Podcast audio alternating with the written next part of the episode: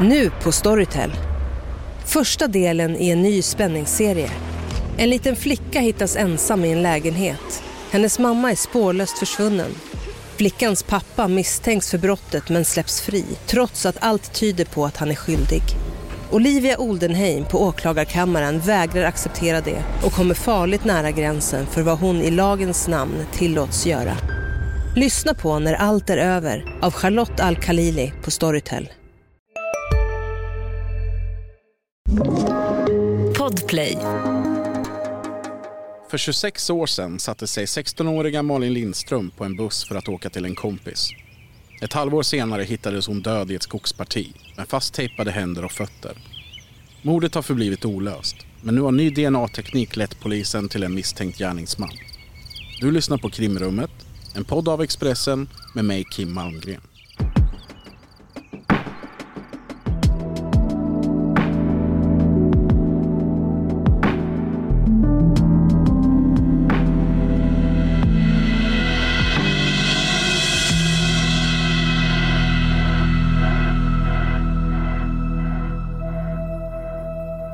Hej allesammans, det är torsdag och här i Expressens poddstudio spelar vi in ett nytt avsnitt av Krimrummet. Mitt emot mig sitter Katrin Krans, välkommen. Tack. Vi är kollegor här på tidningen och i dagens avsnitt ska vi dyka djupare i ett fall som du är väl bekant med. Det handlar om det brutala och slumpmässiga mordet på 16-åriga Malin Lindström i Husum utanför Örnsköldsvik. Du var uppe i de trakterna igår, gjorde intervjuer och tittade närmare på de viktiga platserna. Hur var det? Jo men det var intressant och det kändes bra. Det har ju varit ett stort fokus på den juridiska processen och, och den är ju intressant nog men det var ju också viktigt kände jag att se de här platserna och få en uppfattning om vad det har hänt och hur det ser ut. Och det som slog mig var också att det är en ganska lång bit som eh, Malin och den här misstänkte har, har gått då egentligen från att hon gick av bussen och till eh, den platsen där vittnen har sett dem och, och där man senare i närheten hittar Malins kropp. Då. Parollen för den här podden är att vi fördjupar oss i aktuella fall. Den här veckan blir det en sanning med modifikation kanske. Det här är ett fall som i högsta grad är aktuellt men för att sätta allt i en kontext så måste vi gå 26 år tillbaka i tiden. Det var i slutet av 1996 som då 16-åriga Malin tog bussen i Örnsköldsvik för att åka hem till en klasskompis som bodde några mil bort. De skulle göra ett skolarbete tillsammans men Malin kom aldrig fram till kompisen och hon sågs aldrig mer i livet. Först ett halvår senare hittades hennes kropp i ett skogsområde i närheten av där man tror att hon klev av bussen. En 18-årig man greps och han åtalades så småningom för mord. I en stökig rättsprocess så blev han först dömd för mordet i tingsrätten och sedan frikänd i hovrätten. Sedan dess har 26 år passerat och skälet till att vi tar upp detta nu är för att man har gjort ett nytt genombrott i fallet. Tack vare ny teknik så har bevisen mot den misstänkte gärningsmannen stärkts och i veckan blev det klart att det kommer att bli en ny rättegång kanske kan den här 26 år gamla mordgåtan äntligen få en lösning. Jag tänker att vi börjar från början. Innan allt det här händer, vem är Malin Lindström? Ja, Malin bor med eh, sin mamma och pappa och eh, syskon i en eh, liten ort eh, utanför Örnsköldsvik. Och hon eh, beskrivs som en person som är lite, lite försiktig, lite blyg. Samtidigt beskriver föräldrarna henne som också lite tonårstrotsig och, och full av glädje och upptäcktslust. Och hon eh, har inget stort umgänge men hon har några nära kompisar som hon tycker om att vara med. Och eh, hon eh, vill utbilda sig till eh, sjuksköterska eller undersköterska. Och hon, hon pluggar omvårdnadsprogrammet ja. på gymnasiet. Och eh, hon har en massa, massa planer för framtiden. Men hon är en lite, lite försiktig general. Hon är inte super framåt och, och sådär. Utan hon, hon är en stillsam men glad och lite ändå en vanlig tonåring. Man får intrycket ganska så alldaglig, ordningsam eh, 16-åring. Hon är ordningsam. Hon eh, berättar alltid vad hon är och det är aldrig någon... Ja, föräldrarna är inte, inte oroliga för att hon är ute och snurrar och gör eh, dåliga saker utan eh, snarare så är hon, hon är skötsam. Det som är centralt i det här fallet det sker den 23 november 1996. Det är en lördag och Malin har bestämt att hon ska hem till en kompis. De två ska skriva en skoluppsats tillsammans. Den här morgonen så åker Malins mamma till Umeå för att besöka en sjuk vän. Pappan i familjen är på väg eh, för att öva med hemvärnet. Eh, det här är ju innan mobiltelefonerna har slagit igenom ordentligt och innan Malin får skjuts av sin bror till busstationen i Örnsköldsvik så lämnar hon en lapp till sin mamma. På den skriver hon att hon ska iväg till klasskompisen i Husum som då ligger några mil utanför Örnsköldsvik. Men att hon kommer hem i tid för att äta middag med familjen. Vad händer sen? Ja, det är det så här att eh, Malin går till eh, busshållplatsen i Örnsköldsvik och hoppar på 13.10 bussen som går till Husum. Och det är en resa på några mil, tre mil kanske. Så det, det är ändå en bit. Och det är faktiskt så att eh, Malins mamma Ines har innan sagt att eh, hon är inte jätteförtjust i det här. Hon är lite orolig för att eh, Malin har inte åkt den här sträckan förut och hon inte riktigt säker på vad hon ska gå av och vart hon ska. Och hon är inte heller så framåt att hon liksom är den som grabbar tag i någon och frågar så här, hur, hur, vart är jag på väg? Eller vad? Utan hon är lite, hon är lite försiktig. Men eh, hon gör det här i alla fall. Och det sitter 19 personer på den här bussen. Och flera av dem kommer sen att berätta att de har sett Malin. Och eh, en kvinna berättar att någonstans när bussen svänger av mot Husum så, så är det en ung kvinna som frågar henne, vet du, vet du var vi är någonstans? Hon verkar lite osäker på var hon är och eh, kvinnan minns inte riktigt om hon lyssnar på vad hon säger. Hon liksom, det händer någonting annat. Och, och, men men hon, eh, hon sitter på den här bussen och hon ska egentligen åka till eh, slutstationen där bussen vänder. Och mm. där ska hennes kompis möta henne. Men när bussen kommer fram så står kompisen där Malin är inte på bussen. Nej, Malin är inte på bussen. Hon går in på bussen, hon tittar och um, men ser ingen på bussen. Och hon åker sen runt med sin mamma och letar i huset men uh, hon ser inte Malin. Det går några timmar och sen så hör den här kompisen av sig. Hon ringer hem till Malin mm. och uh, ja, men försöka få lite information varför Malin inte har kommit dit. Malin är inte hemma. En, eh, Malins mamma svarar och hon vet inte riktigt heller vad det är som, som försiggår här. Alltså, Malins mamma har berättat hur hon liksom får en, hon blir iskall liksom. Hon bara, har, vad menar du, är inte, inte Malin framme? Det, de förstår ju med en gång att det här är något som inte stämmer. Det blir så att Malins eh, pappa ger sig ut på vägarna. Han kör runt i stan i Örnsköldsvik först och sen så den här vägarna ut mot, eh, mot Husum eh, letar helt enkelt efter Malin men, mm. men hittar henne inte. Nej, han åker den här sträckan som bussen har åkt och han åker runt och han tittar och, och han ser liksom andra ungdomar och han, det är ju lite folk ute och rör sig sådär men inga, inga spår av Malin. Det slutar då med att eh, framåt kvällen så, så sitter föräldrarna hemma. De undrar var hon är någonstans. Eh, å ena sidan är de väldigt oroliga för Malin är inte typen som försvinner utan att säga någonting. Och i, i förhör sen så pappa beskriver henne som pappas flicka och mamma beskriver henne som mammas flicka. Eller hur? Men, men hon är inte typen som, som inte hör av sig. Hon har ju skrivit den här lappen också om att hon ska vara hemma för att äta middag tillsammans med familjen. Pappa han säger också i förhör att för att lugna sig själva så intalar de sig men vi har äldre barn, vi har varit med om det förut, att de liksom håller sig ute för länge, att de inte hör av sig. Det, det kan hända, liksom. allting, allting är säkert i sin ordning. Men de, de lägger sig och sover och är väldigt oroliga. Sen så när de vaknar så är Malin fortfarande inte hemma. Det är då man bestämmer sig för att ta kontakt med polisen, anmäla henne försvunnen helt enkelt.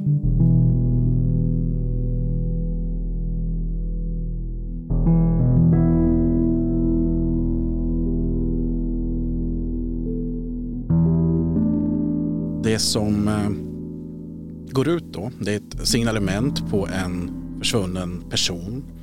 Där beskrivs Malin som en 16-årig tjej. Hon har normal kroppsbyggnad, kanske något kraftig. Hon är 154 cm lång, halvlångt ljust hår, bär alltid glasögon.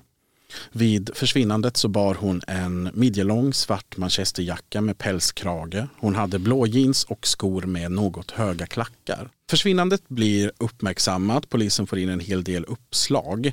Personer som har rört sig på den här sträckan där bussen har gått hör av sig till polisen och säger att de har sett en främmande flicka eller en ung kvinna gå längs vägen. Vad är det de har gjort för, för iakttagelser?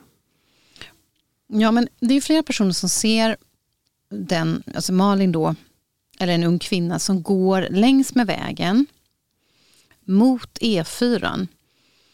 Så personen går alltså åt kan säga, fel håll. Hon går inte åt det hållet som hon egentligen är på väg. Allting tyder på att, att hon tror att hon har åkt för långt istället för för kort. Så att hon går tillbaka mot E4. Hon går längs med vägen och det är ju inte en, en bilväg egentligen där det finns någon liksom, trottoar utan man går liksom längs vägkanten. Det är ute i glesbygd det här. Ja, det är en väg som viker av från E4 mot det här, den här lilla bruksorten som heter Husum. Och det ligger några hus, i början av vägen ligger de ganska glest och sen kommer de lite tätare ju närmare själva samhället man kommer. Vittnen som har sett Malin gå på vägen har inte bara sett henne utan de har också sett en man också, eller hur? Ja, de har sett en man och han går på andra sidan vägen. De går liksom jämsides men inte på samma sida. Det är en ganska bred väg ändå som de, där de går. Så de, de, de uppfattas inte vara tillsammans men ändå är det flera vittnen som liksom säger att de går jämsides på varsin sida av ja, den här ja. vägen där det inte är någon, någon omfattande promenadtrafik om man säger så. Nej, Människor går inte, längs vägen Nej. här. Verkligen inte.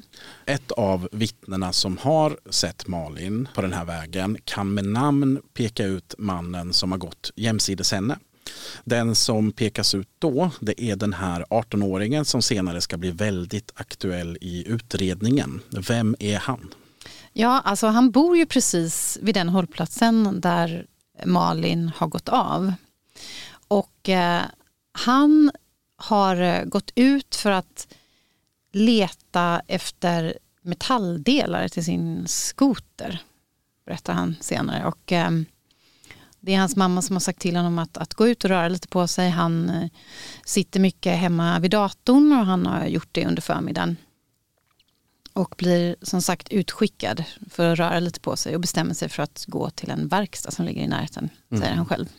Hans två, två stora intressen det är datorspelande och eh, bilmäckande eller ja, motormäckande. Motorer och datorer är han intresserad av. Och annars är han inte någon social person heller utan en ganska, ganska ensam typ sådär. Lever en ganska anonym tillvaro på alla sätt. Ja, det gör han. Utpekandet leder i alla fall till att den här 18-åringen förhörs för första gången. Det kommer bli det första av många förhör som hålls med honom. Vad säger han i det läget? Ja, alltså förhöret med honom är, är ju långt och på något konstigt sätt ganska detaljerat. Men ändå inte för att liksom han, han berättar en massa, han har sett eh, två personer, säger han, en kvinna och en man som går längs med vägen. Och eh, han har en massa detaljer om deras utseende och kläder och eh, exakt hur långt eh, fram de har gått och sådär. Men eh, han har liksom inget konkret att berätta om eh, Malin eller, eller eh, att han själv har gått eh, bredvid henne. Utan han, han berättar, kan man säga kortfattat, att, att han ser eh, en kvinna och en man som går längs med vägen. Han säger att han ser dem på ungefär 150 meters avstånd så att de går 150 meter framför mm. honom på vägen. Mm. Och ändå så, så kan han ge då väldigt detaljerade beskrivningar till exempel hur långa de här människorna är och vad de har på sig och så vidare. Efter att Malin försvinner så gör man lite inledande utredningsåtgärder men i allt väsentligt så går utredningen lite i stå. Ett halvår passerar och Malin är fortsatt spårlöst försvunnen. Det är då man gör ett stort genombrott i fallet när man hittar Malins kvarlevor. Givet omständigheterna i samband med det här fyndet så förstår man att kroppen har legat där länge. Man kan också förstå att hon har utsatts för väldigt grovt våld. Det som möter poliserna när man gör det här fyndet är på alla sätt en, en fruktansvärd syn. Eh, man kan direkt slå fast att det har skett ett grovt brott här. Hur, hur ser omständigheterna ut när man gör det här fyndet? Ja, man, man, det är ju så här att kroppen ligger delvis dold så det är inte alls helt uppenbart att man ser kroppen. Det är någon som har lagt grankvistar och täckt delar av kroppen och den ligger eh, vid kanten av en stor sten. Så att eh, när de hittar den så får, får de först eh, ja, ta undan liksom lite grenar och träd och sen lyfta på de här eh, grankvistarna och sen så ser man då kroppen där och den eh, hon är ju bunden till händer och fötter. Så det är ju väldigt tydligt att hon har blivit utsatt för, för våld. Och eh, man hittar även sen delar av kläder och spridda runt kroppen och så småningom hittar man också en väska som är nedgrävd i närheten. Efter att man har hittat Malins kvarlevor så blir den här 18-åringen ännu mer aktuell i utredningen. Han börjar också berätta berätta nya historier i förhören? Vad är det han säger?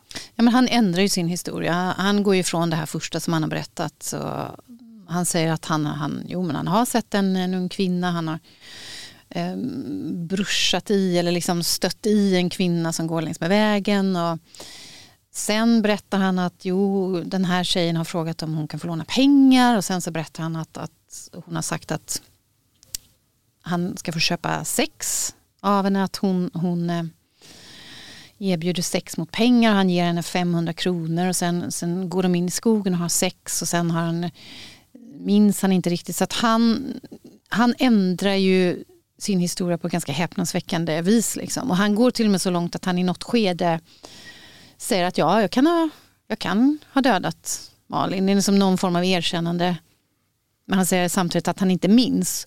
Men det är också någonting som man sen tar tillbaka. Men det är ju väldigt udda det här sättet som han bara liksom berättar helt olika saker i olika förhör. Mm. Och i slutändan så tar han tillbaka i princip allting. Han säger ja. att det, det, han har sagt är påhittat och vad som faktiskt har hänt har han ingen som helst minnesbild av. Nej, och man kan ju säga också att de här förhören med honom blir mer och mer liksom kortfattade. Han säger mindre och mindre och till slut är det ju inte mycket han säger alls faktiskt i förhören. Under utredningen så gör ju polisen också husrannsakan hemma hos honom. Där gör man fynd som ska få stor betydelse för utredningen va? Ja, alltså dels gör man en eh, typ av fynd som är fibrer som man tror kan, man kan knyta till Malins tröja. Det är väldigt liten, det är väldigt lite fibrer så det är, det är inte mycket men det, det är också liksom sax som man tror kan användas för att klippa sönder kläder och sådana här saker. Men, men man hittar också någonting annat som är kanske lite, lite mer obehagligt egentligen och det är när, när polisen hittar under ett golv, de bryter upp ett golv i huset och där hittar de en gömma som eh, ja, nästan kan beskrivas som någon form av liksom, skräckkabinett för skruvade sexuella fantasier. Det, är, eh, det ligger en ICA-påse och i den här finns det ett stort antal teckningar och bilder som han har gjort själv. Och, det här, hittar man när man bryter upp golvet hemma hos ja, honom? det gör man. Så det är någonting han har försökt dölja? Det är uppenbart så att han har försökt dölja det här. Och de här teckningarna föreställer ju mestadels då kvinnor i olika utsatta positioner, sexuellt utsatta positioner, våld. Eh, kvinnor som ser ut att bli som uppsatta i någon slags tortyrinstrument. Alltså det är väldigt liksom... Eh, kvinnor som är fastbundna, fasttejpade. Ja, men det man kan se när man tittar lite närmare på de här teckningarna det är ju att det finns saker som överensstämmer med skador på Malins kropp.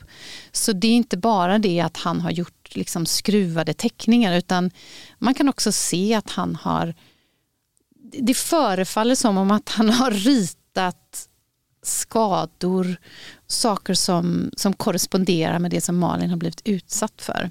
Man hittar också dockor som han har klippt upp på samma sätt som man kan se att någon har klippt upp Malins kläder när man hittar henne. Det finns också knivar, ett par flicktrosor i den här påsen som man hittar. Det finns också teorier som polisen har att uh, han har varit tillbaka på brottsplatsen. Det är så här att ganska tidigt... Hej, Ulf Kristersson här. På många sätt är det en mörk tid vi lever i. Men nu tar vi ett stort steg för att göra Sverige till en tryggare och säkrare plats. Sverige är nu medlem i Nato. En för alla, alla för en. Har du också valt att bli egen? Då är det viktigt att skaffa en bra företagsförsäkring. Hos oss är alla småföretag stora och inga frågor för små. Swedeas företagsförsäkring är anpassad för mindre företag och täcker även sånt som din hemförsäkring inte täcker. Gå in på swedea.se företag och jämför själv. Så ser kriminalteknikerna att när de hittar kroppen så ligger en jacka dragen över huvudet. Men man kan se att huvudet inte bör ha varit täckt av tyg eftersom det är mer skadat som de delar av kroppen som har legat exponerade i skogen. Då kan man dra slutsatsen att någon måste ha varit där ganska nyligen också och dragit upp jackan över huvudet. Annars hade inte huvudet varit så skadat. Och då drar man slutsatsen att någon, gärningsmannen, har varit tillbaka på platsen. Och eh, det finns även ett annat fynd som man gör som styrker den här teorin. Då. Vad är det för fynd? Ja, men det är en av de här teckningarna som man hittar. Och eh, det är ju riktigt obehagligt faktiskt. Och det är ju så att eh, han har avbildat ett, ett kranium helt enkelt. Och då är det så att det, det ser liksom det finns vissa saker i den här teckningen som, som gör att det, det är väldigt, väldigt likt så som det ser ut på, på den här fyndplatsen. Och så som, ja, så som Malin ligger placerad och så. Det finns saker som också då korresponderar med hur kroppen ligger. Och, så man är ganska säker på att det, det, han, han har varit där och ja, kanske då ritat av eller ja, gjort saker i minnet. Alltså det, det, det, går inte riktigt att slå fast det här men, men eh, det är liksom ändå någonting som, ehm, som man även tar upp senare i, i domen också. Att det ser ut så här. Och det, det finns ju mycket i de här teckningarna som ändå tyder på Dels kan det vara så att det har funnits liksom fantasier och saker som då kan ha skett innan mordet. Men att man också tror att, att vissa av sakerna är något som har gjorts efteråt då. Att, man, att han kanske på något sätt har um, återupplevt det som han har sett eller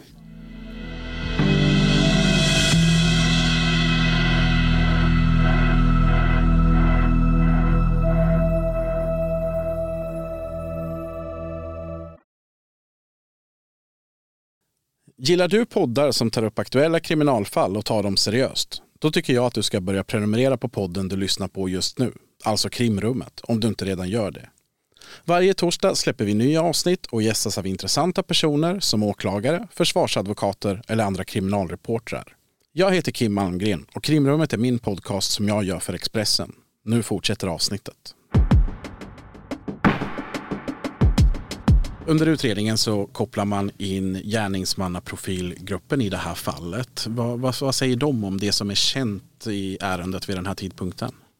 Ja men det är ju tydligt att det, att det rör sig om någon form av sexuellt eh, motiverat våld och att det är en eh, gärningsperson som drivs av väldigt starka liksom, sexuella fantasier eller tvångstankar eller hur man nu vill uttrycka det. Och givet de fynden man hittar hemma hos 18-åringen så blir inte han mindre intressant i utredningen om man kopplar ihop de här två omständigheterna. Nej men verkligen inte och det är ju som jag sa det ju, finns ju saker som verkligen eh, stämmer överens med det som han har ritat och, och gjort och hur skadorna på Malin ser ut. Och det är ju svårt att bortse ifrån. En annan som kommer in i utredningen det är psykologiprofessor Sven Å Kristiansson. På den här tiden så är han en mycket omhuldad yrkesman som har specialiserat sig på så kallade bortträngda minnen. På 90-talet så blev han rikskänd där han spelade en viktig roll i några av Sveriges mest uppmärksammade rättegångar. Bland annat Kevin-fallet i Arvika och i fallen som rörde Thomas Quick. Idag är teorin om bortträngda minnen förpassade till historien och disciplinen används inte längre i det svenska rättssystemet på samma sätt som man gjorde då. Både Sture Bergvall som tidigare hette Thomas Quick och de två bröderna som pekades ut som skyldiga i Kevin-fallet har fått upprättelse och ses idag som oskyldiga för de brott de dömdes och pekades ut för då. Vad gör Sven och Kristiansson för avtryck i det här fallet? Ja, det han gör väl inte något speciellt gott avtryck här heller därför att det framkom en hel del kritik eh, efteråt. Och egentligen, jag har bland annat pratat med Paul Johansson som var chef för gärningsmannaprofilgruppen men det, det kommer från flera andra också.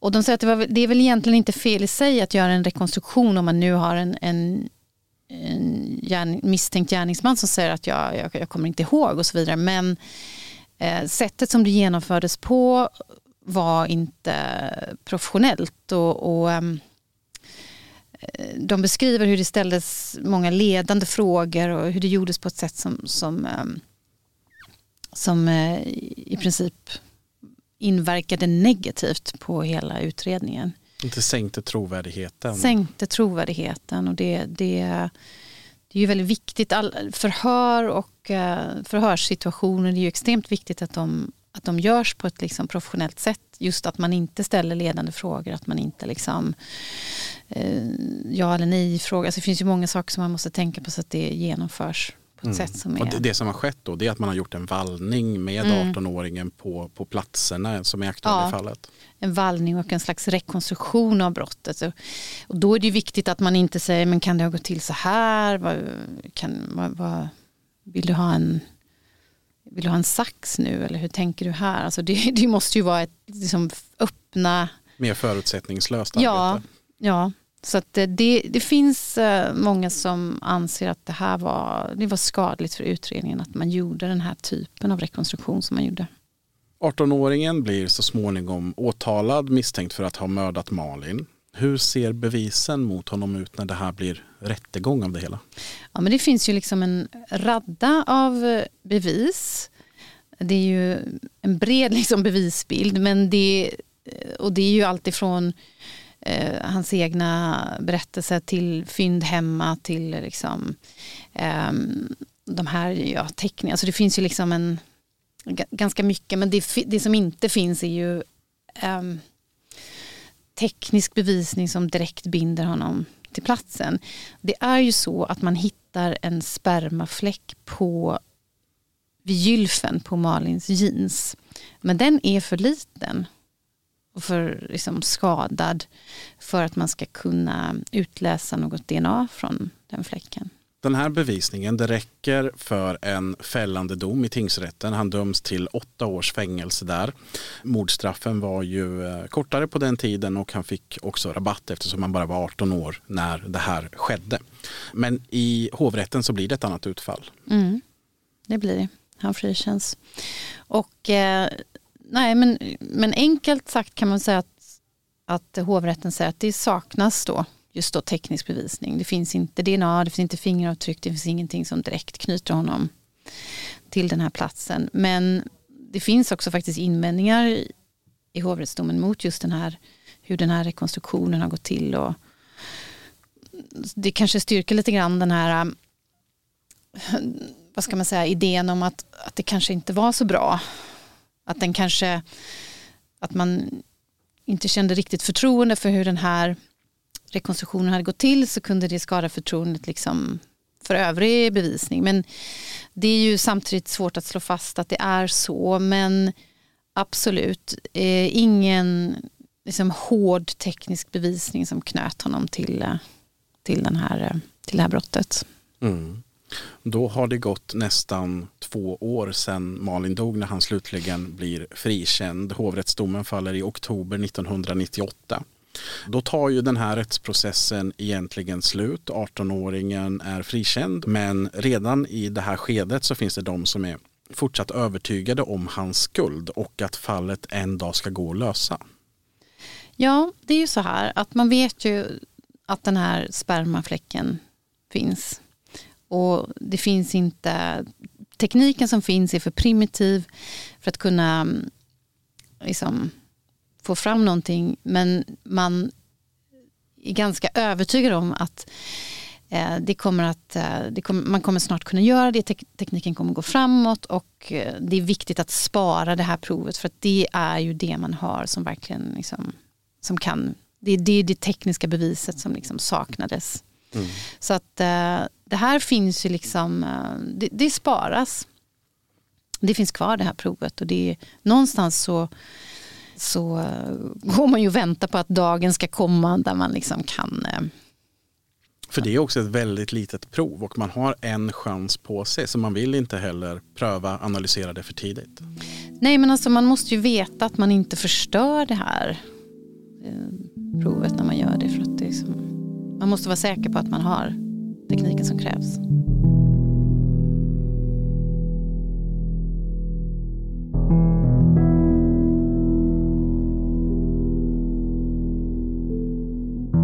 För att komma vidare i den här historien så gör vi ett eh, stort hopp i tiden. Vi hoppar hela vägen fram till 2020. Det är då som Kalla fall-gruppen får mordet på Malin Lindström på sitt bord.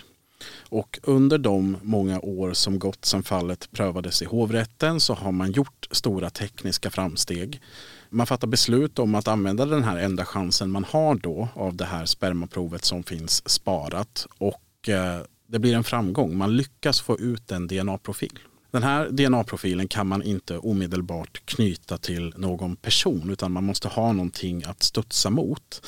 Det hela börjar med att man frågar mannen som frikändes 1998, alltså den dåvarande 18-åringen, om han vill lämna ett DNA-prov. Vill, vill han det? Det vill han inte. Det vill han inte. Nej. Vad händer sen? Ja, då bestämmer sig Mats Svensson som är överåklagare för resningsärenden som handlagt det här ärendet och riksåklagaren han bestämmer sig för att begära så kallad tvångstopsning helt enkelt. Att, eh, och, och, då får han nej från Högsta domstolen, det är de som beslutar att det, det finns inte lagstöd för att eh, tvångstopsa honom helt enkelt. Mm, då måste där, man börja bli kreativa istället. Ja, för där står man och där hade väl historien kunnat sluta igen kan man säga. Mm. Men det gör den inte. Ja, vad är det som händer? Ja, alltså som du säger, då får man tänka lite kreativt. Finns det några spår sparade från den här misstänkte gärningsmannen som man kan matcha det här DNA emot? Det ska det egentligen inte finnas för att de ska inte sparas så länge man har blivit frikänd. Och, ehm, men det visar sig att eh, Kalla fallgruppen kan skaka fram ett litet rör med tre stycken hårstrån som finns sparat i utredningsmaterialet. Och det, de hårstråna är tagna eh, för länge sedan, alltså innan man hittade Malins kropp till och med. Mm. Det hittar man när man börjar rota i, i lådor i, i utredningsmaterialet. Mm. Så är det. Sen finns det ett blodprov också. Det finns ett blodprov, ett litet prov som man har delat på och skickat, eller jag kan säga, NFC har skickat en del Eh, de har förstört sitt prov men det visar sig att de har skickat en del av provet till forensiska laboratoriet i Uppsala. Och de har faktiskt kvar det här provet. Där har det legat och väntat i mer än 20 års tid. Ja, det har det. Och då helt plötsligt så, ja, då är det ju bara att, att se vad träff. resultatet blir. Ja, de får träff. Det visar sig att den eh, spermafläck som hittas på Malins jeans har avsatts av 18-åringen. Ja, så är det. Helt plötsligt är bevisläget ett helt annat än man har haft under de här 26 år som man har eh, jobbat med det här ärendet. Mm. Kalla fallgruppen och åklagaren har fått bevisen som man känner att man behöver för att försöka ta upp fallet igen. Man ansöker om resning hos HD och att HD beviljar resning till nackdel för någon som redan har frikänts är väldigt ovanligt. Det här gjorde man, man började den här processen för ett år sedan Tidigare i veckan så kom Högsta domstolen slutligen med ett beslut. Vad kom man fram till? Ja, men man kom fram till, kan man säga enkelt uttryckt, att man anser att hade den här bevisningen funnits då så hade han blivit dömd. Och med det sagt så beviljar de resning och anser att man ska pröva detta i en ny rättegång. Och då går det tillbaka till hovrätten som, som frikände honom och där ska det prövas igen. Så det blir liksom en helt ny rättegång mm. med eh, de nya bevis som har tillkommit mm. och de gamla. Det är vad som väntar nu och känslan man har fått eh, är att allt kommer gå ganska snabbt. Ja, det är tanken att det ska göra det. Det ska nog dra igång här innan sommaren, början av sommaren.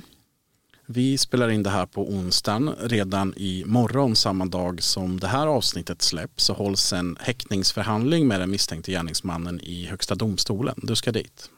Ja, jag tänkte åka dit. Det är inte utan att jag känner mig ganska nyfiken på att se hur den här personen som har ja, levt ett väldigt anonymt och tillbakadraget liv sedan eh, frikännandet, hur hur han ställer sig till det här, de här mm. nya, nygamla misstankarna får vi väl säga. Och han måste ju ha vetat länge att det här är på gång. Det är redan 2020 som mm. Eh, polisen hör av sig till honom och ber om att få, få ta hans DNA. Ja. Det, det, det är inte utan att man undrar även där hur han har tänkt eh, kring detta. Det är klart att han måste ha på något plan väntat på att insett att det här kan hända. Det, det var ju så att när det här beskedet kom från Högsta domstolen så stod ju överåklagare Mats Svensson liksom beredd med telefonen i hand så att säga eh, och ringa polisutredare som nu stod redo i den stad där den här mannen bor. Och eh, liksom få beskedet att nu, nu, nu är det dags, liksom, nu trycker vi på knappen. För samtidigt som beskedet kom eh, från Högsta domstolen så framgick ju också att han var häktad i sin utevaro liksom, och därmed så greps ju han. Så polisen ringde ju, knackade på dörren. Och så han sitter nu, frihetsberövad nu sedan några dagar tillbaka? Han sitter frihetsberövad på Saltviksanstalten i Härnösand. En ny prövning ska göras i hovrätten. Det är på alla sätt en ny rättegång som vilar på gamla och nya bevis. Men det finns en indikation från HD i resningsbeslutet. I det står, och jag citerar, det får anses sannolikt att 18-åringen skulle ha dömts för mordet på Malin Lindström om den nya bevisningen hade åberopats i rättegången. I allt som berör detta fasansfulla mord så finns en familj Malins mamma och pappa är fortfarande i livet. De är närmare 80 båda två. Under alla år har de varit fortsatt övertygade om att det var 18-åringen som mördade deras dotter. När du var uppe i Örnsköldsvik i veckan så träffade du dem. Vad säger de om den nya utvecklingen i fallet? Ja, de är ju, de är ju glada och lättade. De har ju kämpat kämpat mycket genom åren också för att det här inte ska, ska glömmas bort eller läggas ner. Alltså de, de, har ju, de har ju följt många turer, juridiska turer fram och tillbaka och, och de är ju de är ju såklart väldigt hårt prövade av hela den här, det har ju präglat deras liv. De har ju det har varit en väldigt lång och smärtsam resa för dem. Ja, det, det har det varit och eh, så har de ju andra barn och det finns en stor familj runt omkring också som har drabbats av det här. Eh, det ska man inte glömma bort och det, eh, nej, det är fruktansvärt. Det är svårt att sätta sig in i såklart. Jag tycker det är, det är väldigt hjärtskärande att tänka på att, att redan från början så var Malins mamma lite orolig att hon skulle göra den här bussresan och, och så in, inträffade här? Det är ju det är så slumpmässigt. Det finns ju ingen som helst koppling mellan Malin och den här mannen. Och eh, pappan som jag pratade med sa ju att det, det, hade hon bara inte gått av på fel hållplats så, så hade ju det här aldrig hänt. Och det är ju, det är ju helt otroligt att tänka sig att det som bara inte ska hända. Varje förälders absolut värsta mardröm. Det, det hände. Det hände den här familjen.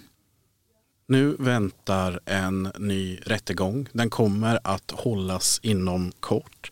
Vi eh, på Expressen fortsätter att bevaka detta och eh, vem vet, vi kanske gör ett avsnitt av krimrummet om det här fallet när vi vet hur utgången blir där.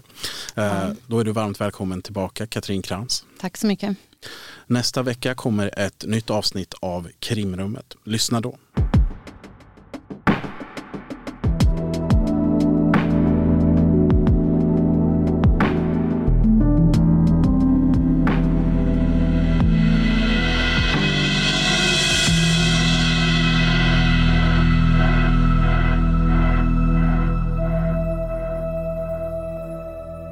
Du har lyssnat på en podcast från Expressen. Ansvarig utgivare Klas Granström. Hej, Synoptik här. Hos oss får du hjälp med att ta hand om din ögonhälsa. Med vår synundersökning kan vi upptäcka både synförändringar och tecken på vanliga ögonsjukdomar. Boka tid på synoptik.se. Välkommen till Maccafé på utvalda McDonalds restauranger med Baristakaffe till rimligt pris. Vad sägs om en latte eller cappuccino för bara 35 kronor? Alltid gjorda av våra utbildade baristor.